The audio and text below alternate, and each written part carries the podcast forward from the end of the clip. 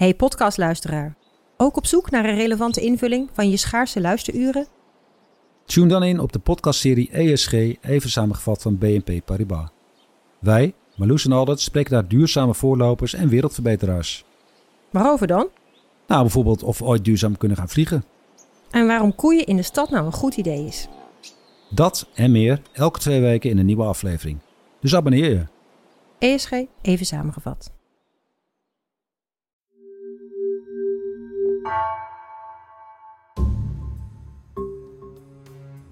...2014 is het meest gewelddadige jaar in de recente geschiedenis van de Nederlandse onderwereld. Op verschillende continenten worden aanslagen gepleegd op criminele kopstukken uit Nederland. En dat is geen toeval. Goedenavond. Het gebruik van zwaar geweld in de onderwereld neemt sterk toe. Voorlopig dieptepunt de liquidatie van Gwenette Marta gisteravond. Kopstuk in de internationale drugshandel. En de geweldsexplosie is voorlopig niet afgelopen. Twee liquidaties gisteren in de Turkse stad Istanbul. De doden, twee Turks-Nederlandse criminelen actief allebei in de drugshandel. In Panama is een Nederlander neergeschoten. De man werd in een restaurant door een nog onbekende schutter in het hoofd geschoten.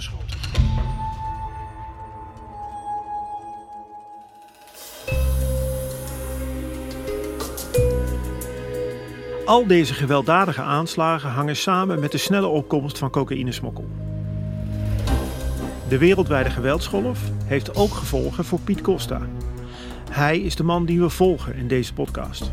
Piet is in één decennium uitgegroeid van een onbekende Rotterdamse crimineel tot een vooraanstaande Nederlandse narco.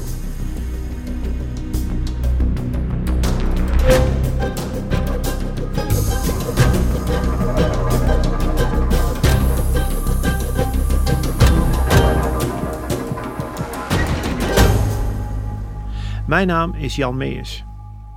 Aflevering 2. Ontsleutelde berichten. Het is al donker als Samir Scarface het terras oploopt van het café All in One aan de Spaanse kust vlakbij de badplaats Marbella. Ze serveren er bitterballen, een van Samir's favoriete snacks. Hij ziet eruit alsof hij net van het strand komt. Samir loopt op badslippers en draagt onder zijn zwarte t-shirt een zwembroek. De stemming is opgetogen als hij aanschuift bij een groep van een man of zeven. Allemaal mensen die hij kent uit het criminele milieu in Nederland. Na middernacht slaat een van die vrienden zijn armen om Samir heen en op dat moment komen twee bewapende mannen aanlopen. Samir realiseert zich dat er gevaar dreigt en staat op. Maar het is al te laat. De groep stuift uiteen als de twee hun wapens op Samir richten. Ze raken hem in zijn rug en in zijn hoofd. Samir Scarface Bouya sterft ter plekke.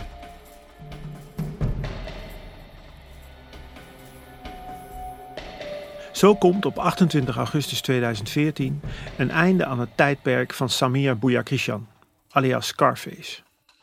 Er is dan al enkele maanden sprake van grote onrust in de Nederlandse onderwereld. Onrust die samenhangt met verschillende conflicten rond de handel in cocaïne. En omdat Samir Scarface op dat moment wordt gezien als een van de grootste cocaïnesmokkelaars van West-Europa, vergroot zijn dood de bestaande onrust. En dat heeft weer zijn weerslag op andere mensen die actief zijn binnen deze wereld. Piet Costa is één van die mensen. Hij werkt al jaren samen met leden van de groep van Samir en dat stopt niet omdat hij dood is geschoten. Sterker nog, Piet stijgt in de criminele pikorde en krijgt langzamerhand steeds meer invloed. Het onderwereldgeweld zet de opsporing onder druk. Kan de politie in plaats van reactief onderzoek doen naar wie een moord heeft gepleegd, proactief voorkomen dat er moorden worden gepleegd? Dat is een complexe opdracht. Je ziet gewoon steeds meer geweld en je ziet steeds meer buitenspoorgeweld. Ehm, de, de, de geweldspiraal die is aan het uh, stijgen. Ehm, ik vind dat gewoon, ik vind dat gewoon echt een, een risico wat ontstaan is. Dit is Andy Kraag. hoofd van de landelijke recherche en verantwoordelijk voor de strijd tegen de georganiseerde misdaad en het geweld dat daarbij hoort. Elze en ik gaan bij hem langs op kantoor, dat ergens aan de snelweg ligt, op een onbestemde plek in het midden van Nederland. Je zou niet zeggen dat dit het is, in ieder geval van de buitenkant. En die kraag heeft de uitstraling van een echte politieagent. Hij is sportief, oogvriendelijk en komt zelfverzekerd over. Eigenschappen die je ook ziet als hij zijn uniform niet aan heeft. Hey Andy, goedemorgen. Goedemorgen. Ik heb een ploeg meegenomen deze keer. Dus, eh, Ik zie het. Goedemorgen. Goedemorgen. Elze. Als reactie op het geweld gaat de politie op zoek naar manieren om liquidaties voor te kunnen zijn. Ze komen uit bij een oude methode die gericht is op onderzoek naar de criminele infrastructuur. Daarbij moet je denken aan wapens, gestolen auto's, geld, loodsen en communicatiemiddelen. Door die infrastructuur in beeld te brengen, zo is de gedachte, krijg je zicht op plannen die criminelen mogelijk aan het voorbereiden zijn. Deze manier van rechercheren werd in de jaren 90 door hoogleraar criminologie Cyril Feinhout geïntroduceerd. Bij de Nederlandse politie kennen ze deze methode als de pijlers van Cyril. Nou ja, ik heb, ehm, ik heb Cyril eh, hoog zitten. En eh, ook veel van wat hij verteld heeft over aanpak van, van criminele of criminele machtsstructuren. Ja, tot het lang gelezen wil niet zeggen dat het niet meer eh, actueel is. Sterker nog, eh, heel veel van wat hij toen vertelde, dat is nog steeds actueel in onze aanpak. En het gaat erom, als jij zo'n criminele machtsstructuur wil aanpakken, dan wil je gewoon die pijlers waarop dat gevestigd is, die wil je gewoon gaan verzwakken. Die wil je gewoon eronder uitsnijden. Die methode is gebaseerd op de werkwijze die de Duitse politie in de jaren 70 ontwikkelde voor onderzoek naar terrorisme. Na de introductie in Nederland raakte deze werkwijze in de vergetelheid. Maar door de druk op de politie vanwege het buitensporige geweld ontstaat er hernieuwde belangstelling voor deze manier van opsporen. Eh eerste pijler is geld. Tweede is communicatie. Derde is eh, middelen en mogelijkheden in de breedste zin van het woord. Bijvoorbeeld gewoon wapens. Hoe zorg je nou voor dat ze eh, veel moeilijker aan wapens eh, kunnen komen? Maar ook mogelijkheden, de locatie in het buitenland. Je moet het zo moeilijk maken. Dus safe in het buitenland, hoe zorg je ervoor dat ze zich minder makkelijk kunnen verschuilen in het buitenland? En de vierde, dat zijn ook gewoon de kopstukken. De mensen zelf, die moet je hard aanpakken. Een van die pijlers, en die is voor jullie niet anders dan voor Cyril Feyenoord, is communicatie. Daar willen we het nu eigenlijk over, eh, heel specifiek over hebben. Aan het begin van het, de jaren 10 van deze eeuw komt eigenlijk de cryptocommunicatie op. En het eerste echt nadrukkelijke eh, manifestatie daarvan is de PGP-telefoon. Wat is dat eigenlijk, PGP? Ja, PGP, eh, het is inmiddels een, een naam die, die gewoon breed gebruikt wordt in de onderwereld PGP. Pretty Good Privacy. Eigenlijk wat het is, is een, een, een versleutelingstechniek die gebruikt werd bij de Blackberries. Weet je wel, die oude toestelletjes nog met die knopjes, die denk ik eh, bijna niemand meer gebruikt. En, en waar het op neerkwam is dat gewoon BlackBerry zei, gewoon door middel van encryptie zorgde ervoor dat alle berichten, in dat geval waren dat gewoon mailtjes heen en weer, dat die versleuteld waren. En, en eh, het feit dat criminelen dat deden, dat- nou, dat komt ergens 2010 komt dat op. Waarom was dat voor de politie een probleem? Ja, kijk, eh, criminelen die willen gewoon dat hun communicatie gewoon buiten het zicht van ons blijft. Want ja, dat, daar zit hun illega, in illegale activiteiten in. En op het moment dat dat gebeurde, eh, nou, dat waren toen nog in de tijd van de taps, zag je in één keer dat je gewoon niks meer hoorde. Je kreeg gewoon niet meer mee wat er gebeurde en wat de intenties waren. Dus was, op dat moment was het ook gewoon onze zwakte als politie. Door die versleutelde communicatie staat de politie buitenspel. In de onderwereld worden deze telefoons dan ook gezien als de heilige graal. Eindelijk een apparaat waarmee berichten kunnen worden verstuurd zonder dat de politie kan meelezen of meeluisteren. Althans, dat denken ze lange tijd. Want criminelen worden naarmate die telefoons vaker worden gebruikt steeds onvoorzichtiger. Ze vertrouwen blind op die encryptie, waardoor zij helemaal vrijuit praten. Ze vertellen alles over hun handel. Dat maakt het uitermate interessant voor ons. En dat was ook de reden voor ons van wacht even. Als wij dus deze communicatie in bezit krijgen, ja, dan hebben wij gewoon goud in handen. Heb je, heb je controle over, over die communicatie van die criminelen, dan heb je controle over die criminelen. Voormalig marinier Andy Kraag is een praktische denker. Hij is bij de politie terechtgekomen via de DSI. Dat is de Dienst Speciale Interventies. Het is de zwaarst bewapende eenheid van Nederland waarin de politie samenwerkt met het korps mariniers. Deze eenheid doet bijvoorbeeld gevaarlijke arrestaties, maar staat ook paraat voor antiterreuracties. In 2017 stapt Kraag over naar de landelijke eenheid van de politie. Onder de leiding van Kraag wordt de aanpak van versleutelde communicatie verder geïntensiveerd.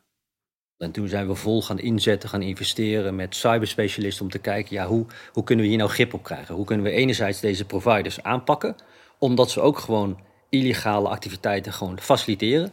Maar anderzijds, hoe krijg je nou grip op die berichten? Want die berichten, dat is natuurlijk wel, ja, ik noem het ook gewoon wel vloeibaar goud voor de recherche. Terwijl de politie zich nadrukkelijk richt op versleutelde communicatie en de eerste PGP-telefoons inmiddels al zijn gekraakt, gaan criminelen volledig ongestoord verder met het tikken van berichten op hun toestellen. Een van die gebruikers is Piet Costa. Hij werkt met de provider PGP Safe, die, al dan niet toevallig, gevestigd is in Costa Rica.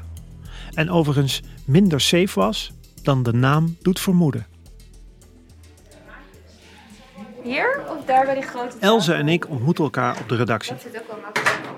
Ik heb PGP-communicatie van Piet verzameld, die beter laat zien met wat voor man we hier eigenlijk van doen hebben. hey, we gingen het vandaag hebben over PGP-berichten. Ja. Je gaat me wat dingetjes laten zien. Ja, eh, ik ga even zoeken. Kijk, eh, en die Kraag die zei zoiets als dat PGP-berichten goud zijn voor de recherche. Nou, dat zijn ze ook voor de journalistiek. Want je kunt hier inhoudelijk hele mooie dingen mee doen. Maar je kunt ook, zeg maar, karaktertrekken vinden van mensen. En daar zal ik je, ik zal proberen om in die hele grote bak, want het gaat echt om duizenden, eh, eh, tienduizenden berichten. Ik zal er een paar, eh, ik zal er eens een paar gaan opzoeken. Hoe kom je aan die berichten dan? Ja, nu vraag je naar het geheim van de smid. Eh, nou goed, kijk, dit zit allemaal gewoon in dossierstukken. En op een gegeven moment dan is de truc dat je toegang krijgt tot die, tot die dossierstukken. En met name als het gaat om die PGP-berichten. Er zijn er zoveel. En die formuleringen, het is allemaal, het is allemaal straattaal. Dus de kunst is, kijk, soms krijg je alleen maar toegang. Dus dan, dan mag je van iemand komen kijken van dit zit er allemaal in. Maar en die soms, iemand, dat moet, moet dan bij de politie... soms of, of ook, eh, zeg maar, gewoon verdachten zelf. Of eh, mensen die daar belang bij Die hebben. krijgen dat dan ook van een advocaat bijvoorbeeld. Dat kan. Of advocaten, die, hebben, ze- die, die gewoon in het vertegenwoordigen van een belang voor een cliënt zeggen zij op een gegeven moment van je mag het dossier hebben en eh, ga er maar in, eh in gasduinen.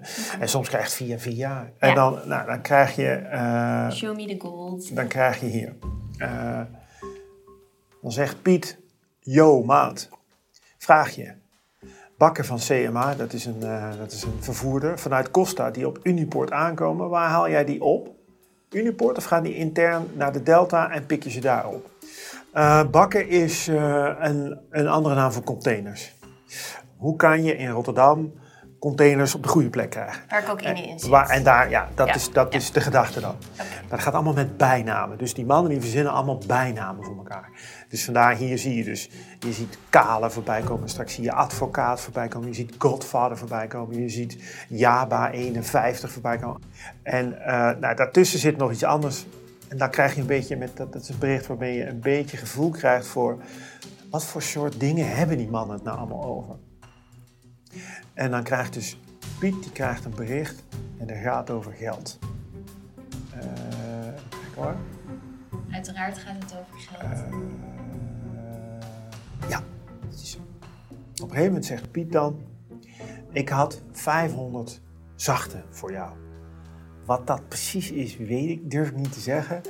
Maar uit het vervolg blijkt dan dat het vermoedelijk toch wel over cocaïne gaat. Die wilde je dus niet, dus die hebben we aan een ander gegeven. Je nam 362 zachte, de rest waren normale. Dan blijven er 100, 138 over. Ik heb 900 zachte verkocht en er is nog steeds 10 miljoen plus daar ergens. Ik wil mijn stash opslag leegmaken en naar een andere plek overbrengen. Er is te veel gebeurd. Dus neem alsjeblieft die 138. Probeer van al deze getallen, Elze, je moet, er geen, je moet hier geen. eh, eh, don't make sense of it. Dit is lingo, jargon. Ze praten hier over hoeveelheden, eh, cocaïne die worden verkocht en gekocht en, en waarmee gedeeld wordt. En je kan het allemaal niet eh, helemaal volgen. Maar ehm, dan, dan gaat hij verder en zegt... Pink, dat is dan kennelijk iemand eh, die die kent, die wil zijn contante geld, maar we werken op 50-50 risico. Dus 50 risico voor Piet, 50 risico kennelijk voor Pink. In Costa Rica, maar ook in Nederland. Ik heb ongeveer 62 miljoen in XT. Ik denk dat het gaat over ecstasy. En 10 miljoen buiten. Maar ik hoef alleen maar rond de 23 miljoen te betalen om de score gelijk te maken. Dus Pink ligt er al en dan volgt er geen rekensom. We horen hier onderwereldlingo voorbij komen dat ook voor mij soms moeilijk te begrijpen is. En dat geldt al helemaal voor die rekensommen. Los van deze details geven PGP-berichten een bijzonder inkijkje in de leefwereld van criminelen die actief zijn in de georganiseerde misdaad. De manier waarop ze praten over miljoenen bijvoorbeeld. Het is alsof ze even naar de markt gaan voor een halfje bruin brood en een stuk kaas. Vriend, ik heb al contant geld naar Medellin overgebracht voor de koopwaar. Mijn vriend is daar gisteren heen gevlogen om betrokken te zijn bij het proces van de units die zij moeten maken voor ons. Dus we hebben de garantie dat we kwaliteit hebben. Het fruitbedrijf is betaald en is in het proces van betaling voor de eerste stroom containers. Dus er is geen weg terug. Dus annuleer maar niet. Zorg ervoor dat de jongens een beetje meer gemotiveerd zijn, vriend. Laten we werken. Dus hier zie je in één keer een grote man. Dus een man die zijn mensen naar Medellin stuurt met geld. Die, hè, dus de puppet master die zeg maar aan de touwtjes trekt en hier even verslag doet van wat hij allemaal geregeld heeft. Maar wat is er dan, wat is er allemaal gebeurd? Hoe, hoe is hij daar gekomen? Want daar kom je natuurlijk niet zomaar, kan ik me voorstellen. Kijk, ik heb je al een keer eerder verteld dat hij op een gegeven moment ergens in eh, eind 2009 gaat hij vliegen naar Zuid-Amerika. En dat was het moment dat ik denk, dan gaat hij bezig met cocaïnesmokkel. Eh, maar waarom dan? En, en wat deed hij dan daarvoor? Nou, het leukste deel van mijn werk is om met mensen te gaan praten in het criminele milieu, te kijken, kan ik dit nou vangen? Kan ik begrijpen eh, wat hij voor die tijd gedaan heeft? En kwam ik uiteindelijk terecht in het Rotterdamse, bij iemand die het milieu van de synthetische drugs goed kent. En die vertelde op een gegeven moment een schitterende anekdote. En dat is namelijk dat Piet gewoon een speedklopper was. Nou, wat is een speedklopper? Uh, wat aan mij beschreven werd is van, nou, Piet die had dan gewoon zo'n zo'n zo'n zwarte, uh, zeg maar, ton, bak, waarmee je bijvoorbeeld als je gaat stukken, waarmee je stuk, stuco meet, uh, als je gewoon een beetje thuis aan het klussen bent. Nou, zo'n bak. En dan giet je dan een paar liter van die amfetamineolie in. En dan heb je zwavelzuur. En dat moet je daar dan bijgieten en dan gaat het kristalliseren. Nou, daarvoor heb je een mixer nodig. En Piet gebruikte dan, die ging dus naar de, naar de gamma voor zo'n bak en voor een, ja, een, een, een, mixer die je, in je in, gewoon in een boor kunt stoppen waarmee je thuis een schilderijtje ophangt. En dan werd daar dus het beeld geschetst van Piet Costa, die dan dus met zo'n bak en zo'n boor en dan olie en zwavelzuur en dan flop, flop, flop, flop, flop, flop, hoort die boor gaan. En dan ontstaat er dus, ontstaan er kristallen. Uh, dan moet je die fijn hakken en dan heb je speed. Dus, hij, dus het is hij, heel creatief. Het is heel creatief, maar hij was dus zeg maar rond de eeuwwisseling was dit Piet Costa. Nou goed, één bron is geen bron, dat is een beetje de regel hier. Dus ik ga op zoek naar nog iemand. Weer in het Rotterdamse. En die zegt, dat verhaal dat klopt. Hij zat toen daar en daar en dan, dit is wat hij deed. Maar die vertelde ook, een maand later is Piet ook om geld te gaan verdienen, is hij in de overvallen gegaan. En dat was een significante mededeling. Want soms is het ook een beetje de vraag, die mannen, vertellen die nou dit soort dingen om lekker met jou mee te praten en een beetje stoer te doen? Want dit is natuurlijk ook een wereld waarin, weet je, oh, journalist van NRC, gaat wel lekker een beetje opscheppen. Maar wat hij toen vertelde, dat klopt, want er zit ergens in dat hele diepe, grote, dikke dossier, zitten vijf regeltjes en die gaan over zijn strafblad. En daar staat in dat Piet uh, twee keer is aangehouden voor een bankoverval en voor een overval met bedreiging, dus waar met een wapen is gedreigd kennelijk. En daarvoor is hij veroordeeld. Door de combinatie van informatie uit dossierstukken en bronnen in de onderwereld kom ik erachter hoe de criminele carrière van Piet is begonnen en hoe hij langzamerhand omhoog klimt. Dus hij was voor, voor ons, gewoon het publiek en de journalistiek, vrij onbekend, maar hij was al wel bekend bij de politie. Hij was wel bekend bij de politie. En zo, zeg maar, zo, zo ben je, als je zo'n man wil leren kennen en je wilt zo'n verhaal maken, je bent, het is eigenlijk een beetje boetseren. En je haalt hier een stukje klei en daar een stukje klei en zus. En dan plak je het in elkaar en dan krijg je een profiel. En dat levert dan op dat Piet is eigenlijk, dat spietkloppen is toch een beetje van een kleine krabbelaar. Maar dat, dit is niet de grote cocaïnebaas. Die, weet je, dat, dat, dat is toch niet het beeld dat je hebt. Dus Met Piet verdien je minder geld. Piet verdiende gewoon aan het begin van de eeuw. Was hij gewoon zeg maar uh, eh, 13 in een dozijn mensen in de onderwereld. Nou, dan gaat hij op een gegeven moment, maakt hij zich schuldig aan geweld. En dan zit hij, zeg maar, ruwweg tussen 2006 en 2009 zit hij in de baaiers. En dan gaat hij dus in 2009 gaat hij vliegen naar Zuid-Amerika. En dan is de vraag die bij mij opkwam, maar wie heeft hij nou in die bias leren kennen dat die speedkoper en die bankoverval dat die in één keer naar Zuid-Amerika gaat? Dat was een hele, voor mij een hele belangrijke vraag, omdat dat soort van, zeg maar, bepaalt in welke hoek je Piet Costa moet zien. Nou, het heeft echt heel lang geduurd en ik heb echt heel veel mensen gesproken voordat ik dit stukje van de puzzel had opgelost. Maar wat blijkt nou? Uiteindelijk heeft Piet in die periode gezeten met iemand die we Kale Moes noemen. En dat is een man uit de entourage, en daar komt hij weer, van Samir Bouyakrishyan. Uh, en Samir is dus Scarface, die is doodgeschoten in Marbella in Spanje. Ja. Kalemous is de bijnaam van Mustafa F. Een geboren Marokkaan die op jonge leeftijd met zijn ouders vanuit zijn geboorteplaats Beni Said naar Amersfoort verhuist. Hij komt daar terecht in het criminele milieu en maakt als jonge twintiger naam als inbreker. In de nieuwe eeuw maakt hij net als zoveel van zijn generatiegenoten de overstap naar de drugshandel. Hij komt dan via via terecht in het Amsterdamse, bij Samir Bouyakrishyan. Niet toevallig ook iemand met een inbrekersachtergrond.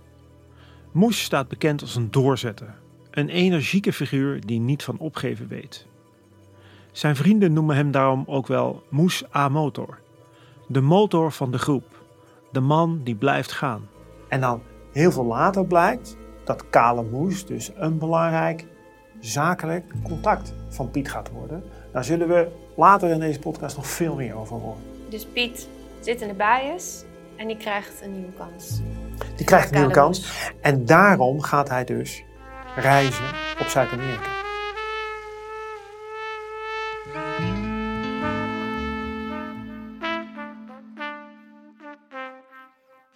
We gaan terug naar Andy Kraag, hoofd van de landelijke recherche. Zijn eenheid weet in 2016 en 2017 de computerservice van twee PGP-aanbieders te kraken. En daarmee worden miljoenen onderwereldberichten leesbaar. Daaruit blijkt ook hoe intensief Piet Costa samen met Kale Moes betrokken is geraakt bij de smokkel van cocaïne. Hun initiële communicatievoorsprong keert zich nu tegen hen. Daar word ik ook gewoon als, als chef heel blij van. Uh, we noemen het vaak, u wil aan de voorkant komen. Ja, dit is aan de voorkant komen. Van denken naar weten en van weten naar aanpakken. Had je toen ook het gevoel, toen die berichten naar buiten kwamen... wat de fuck is dit allemaal?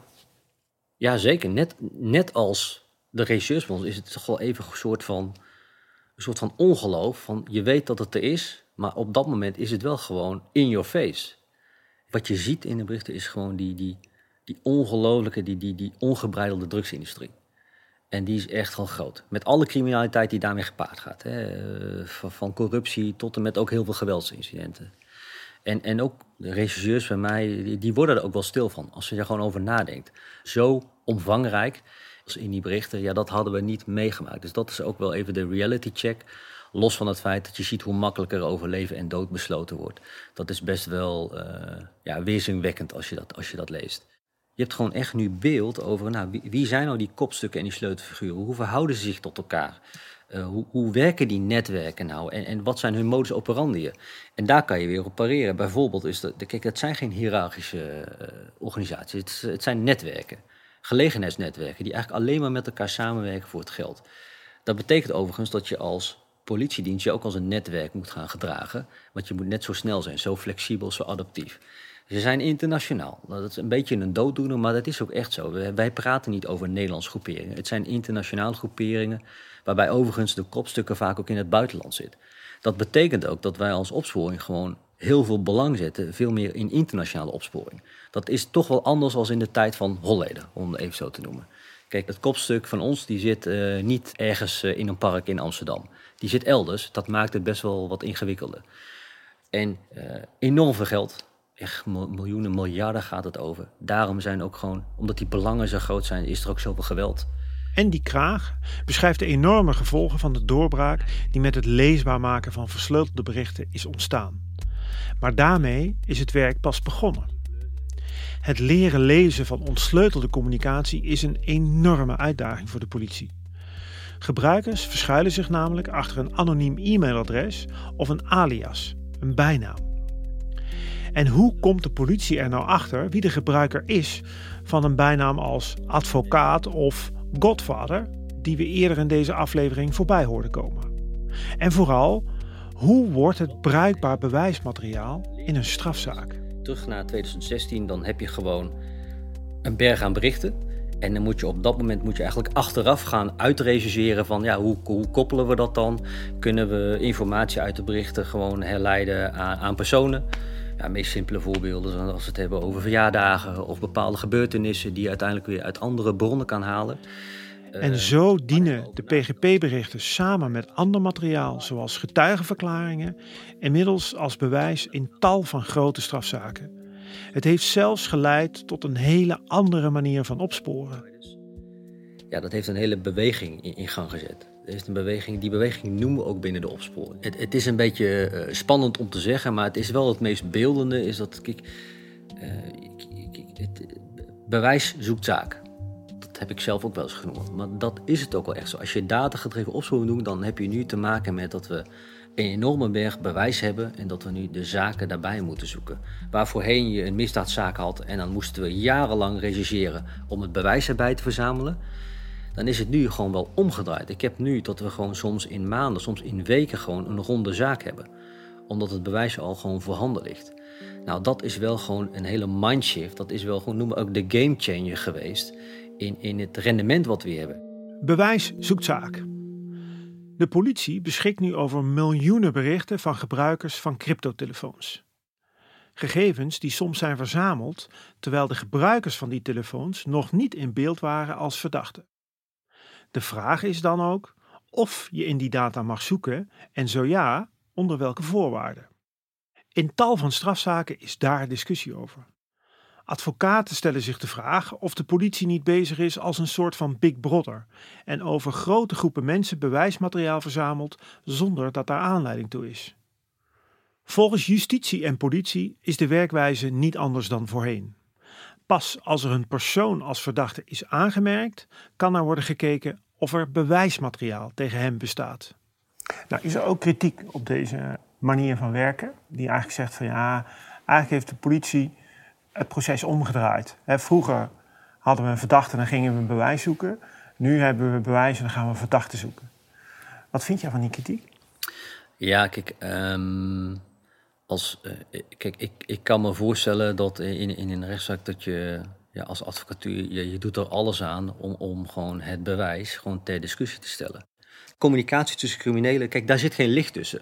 Kijk, als we het hebben over uh, bronnen, criminele bronnen, dan heb je rekening te houden met betrouwbaarheid, met interpretatie. Uh, dit is gewoon keihard bewijs. En als je dat dan ook nog kan leggen naast andere bewijsmiddelen, getuigen, nou kroongetuigen, ja, dan heb je in mijn ogen heb je gewoon een harde zaak. En als je het rendement wil uitdrukken gewoon in aantallen, wat betekent het nou van en het komt tot aan nu? Ja, kijk, meer dan, gewoon meer dan 10.000 aanhoudingen zijn er verricht op basis van deze data. 10.000 aanhoudingen. aanhoudingen wereldwijd. Kijk, er is uh, meer dan 160 ton cocaïne in beslag genomen. Ja, dat is gewoon een, een, een groothandelswaarde, en niet eens marktwaarde, van meer dan 4 miljard. Er is 500 miljoen aan cash in beslag genomen. Er is een veelvoud daarvan aan cryptovaluta in beslag genomen. Uh, honderden wapens. Kijk, uh, getallen zeggen niet alles, maar zeggen wel iets.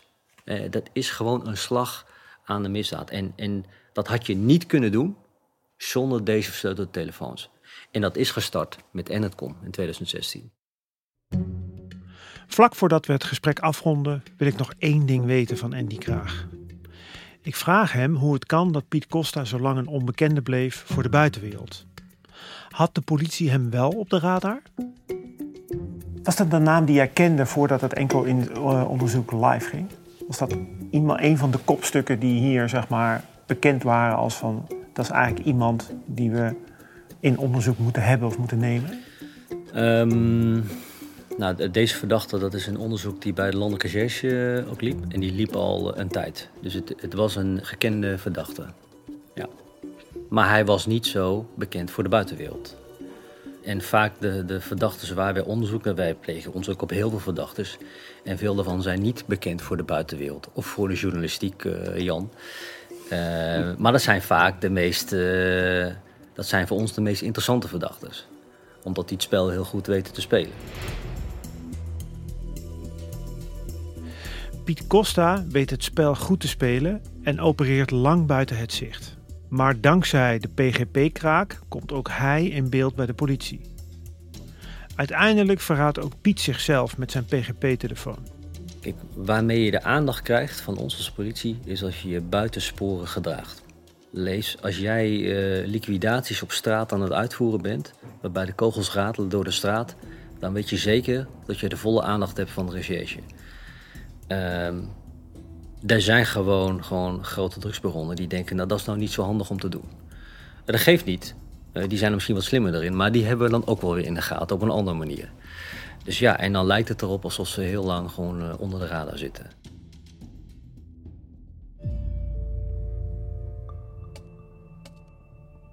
Godverdomme, weer controle. Als Piet Costa op 3 augustus 2014 zijn zwarte BMW op de snelweg richting Schiphol stuurt, wordt hij staande gehouden door de politie. De Rotterdammer reist inmiddels als een globetrotter de wereld rond. Hij is nog geen week geleden vanuit Costa Rica via Panama naar Nederland gekomen. Maar hier trekt de politie constant zijn gangen na. En dat irriteert Piet. Hij wil met rust gelaten worden.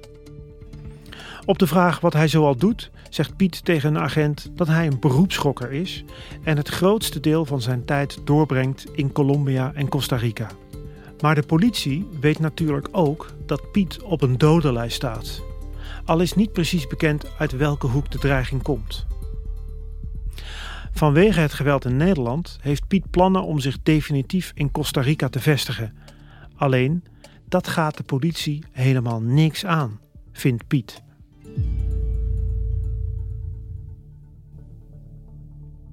Hey Jan, we zien dus dat Piet continu in de gaten wordt gehouden. Um, en de politie hem op de hielen zit. Waarom? Waarom is dat? Dat is een relevante vraag. En daarom loop ik met Elze op de redactie nog één keer door het dossier van Piet. Nou, dat weet ik natuurlijk niet helemaal zeker. Ik denk wel dat je kunt stellen dat Piet houdt van hard rijden. En als je hard rijdt, dan kan je soms tegen een politiecontrole aanlopen. Uh, en wat je dan wel eens ziet, is als je dat ooit een keer meegemaakt of hebt gezien, dan heeft de politie heeft zo'n computertje in de, in de auto. En dan pakken ze je kenteken en je rijbewijs en dan gaan ze naar je op zoek. En dan, wat ze dan zien, is iets wat later in die, ook in die stukken te zien is. Is namelijk, dat zijn registraties, of dat noemt de politie registraties of aandachtsvestigingen. Dan krijgen ze dus een lijst met dingen te zien. Mm van alle, alle dingen die eerder zijn gebeurd. Ja. En daar staat bijvoorbeeld ook in dat hij op een dodenlijst staat.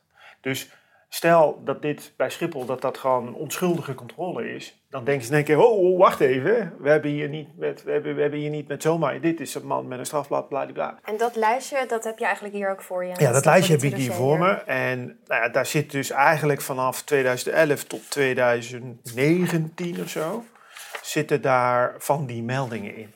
Nou, hoe dat nou precies op Schiphol zit, dat durf ik gewoon niet te zeggen, dat weet ik niet. Uh, maar ik weet wel een paar andere dingen. We we weten op een gegeven moment dat hij in 2015, dan verhuist hij officieel naar Costa Rica. Dat blijkt ook uit de gemeentelijke basisadministratie, dat hij gewoon uh, vanuit Rotterdam weggaat naar Costa Rica. En uh, zo langzamerhand gaan er ook steeds meer geruchten over Piet in de onderwereld. Nou, dan heb je, um, dat noemen we TCI. Uh, Wat is TCI? TCI is de afkorting voor Team Criminele Inlichtingen. En dat is, in gewone mensentaal is dat de geheime dienst van de politie. En, en die die mensen die daarvoor werken, die verzamelen informatie in de onderwereld. En dat gebeurt met anonieme bronnen, omdat dat zijn eigenlijk criminelen die klikken, om het maar even heel plat te zeggen. En die doen dat op voorwaarde dat hun naam nooit bekend wordt. Want anders krijgen ze natuurlijk problemen met de criminelen met wie ze samenwerken. Dus die, ehm, en dat is dan ook informatie, dat is wat ze noemen zachte informatie. Die kan je wel gebruiken om uh, een onderzoek mee te starten op iemand, maar het kan nooit dienen als bewijs. Wat was het gerucht dan? even goed lezen hoe dat ook weer precies zat. Ehm, dat Piet, nadat hij dus in Costa Rica is gaan wonen, dat hij daar uh, een ananasplantage zou hebben gekocht. Dat is op zich een beetje, dat is wel een intrigerend verhaal. Maar de vraag is of het klopt. En de andere vraag is, waarom dan? Waarom zou hij dan in de ananassen zijn gegaan? In 2015 verhuist Piet naar Costa Rica. Zoveel staat vast. En als je dan je geld verdient in Costa Rica, waar hang je dan uit? Waar ga je naartoe? Ik bel een bron in het criminele milieu waarvan ik weet dat ook hij bezig is geweest met cocaïnesmokkel.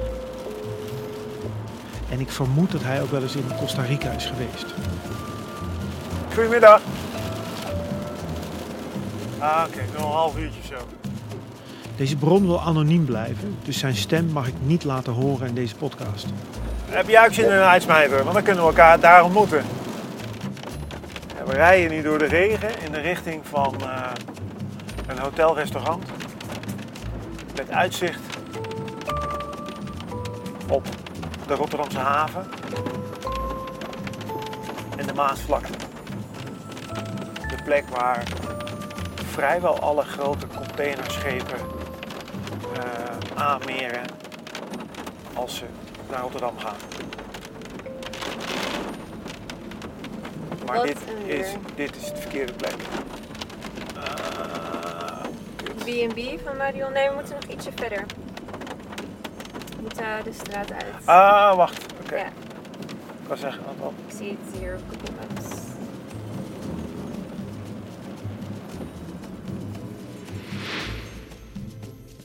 Nou, we zijn er. En het regent. Pijpen stelen.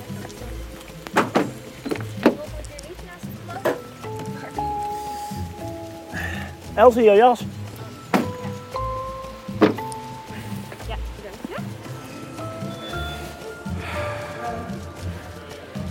Goedemiddag.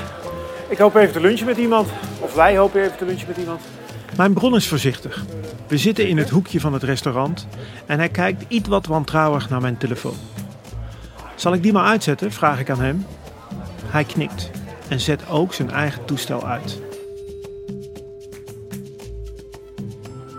Maar na de lunch weet ik precies waar ik moet zijn in Costa Rica. We moeten naar het Hotel van de Koning, naar Hotel Del Rey.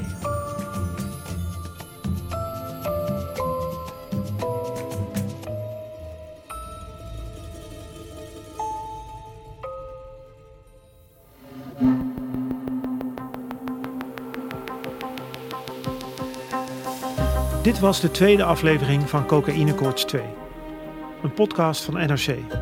Gemaakt door mij, Jan Mees, Else van Driel, Tessa Kolen en Felicia Alberding. De montage werd gedaan door Jeppe van Kesteren, Jeroen Jaspers en Yannick Middelkoop. De muziek is van Jeroen Jaspers en Bas van Win. Eindredactie was in handen van Peter Zanting, Ido Havinga en Anne Moraal. Bedankt voor het luisteren. En wil je meer? Volgende week gaan we in het spoor van Piet.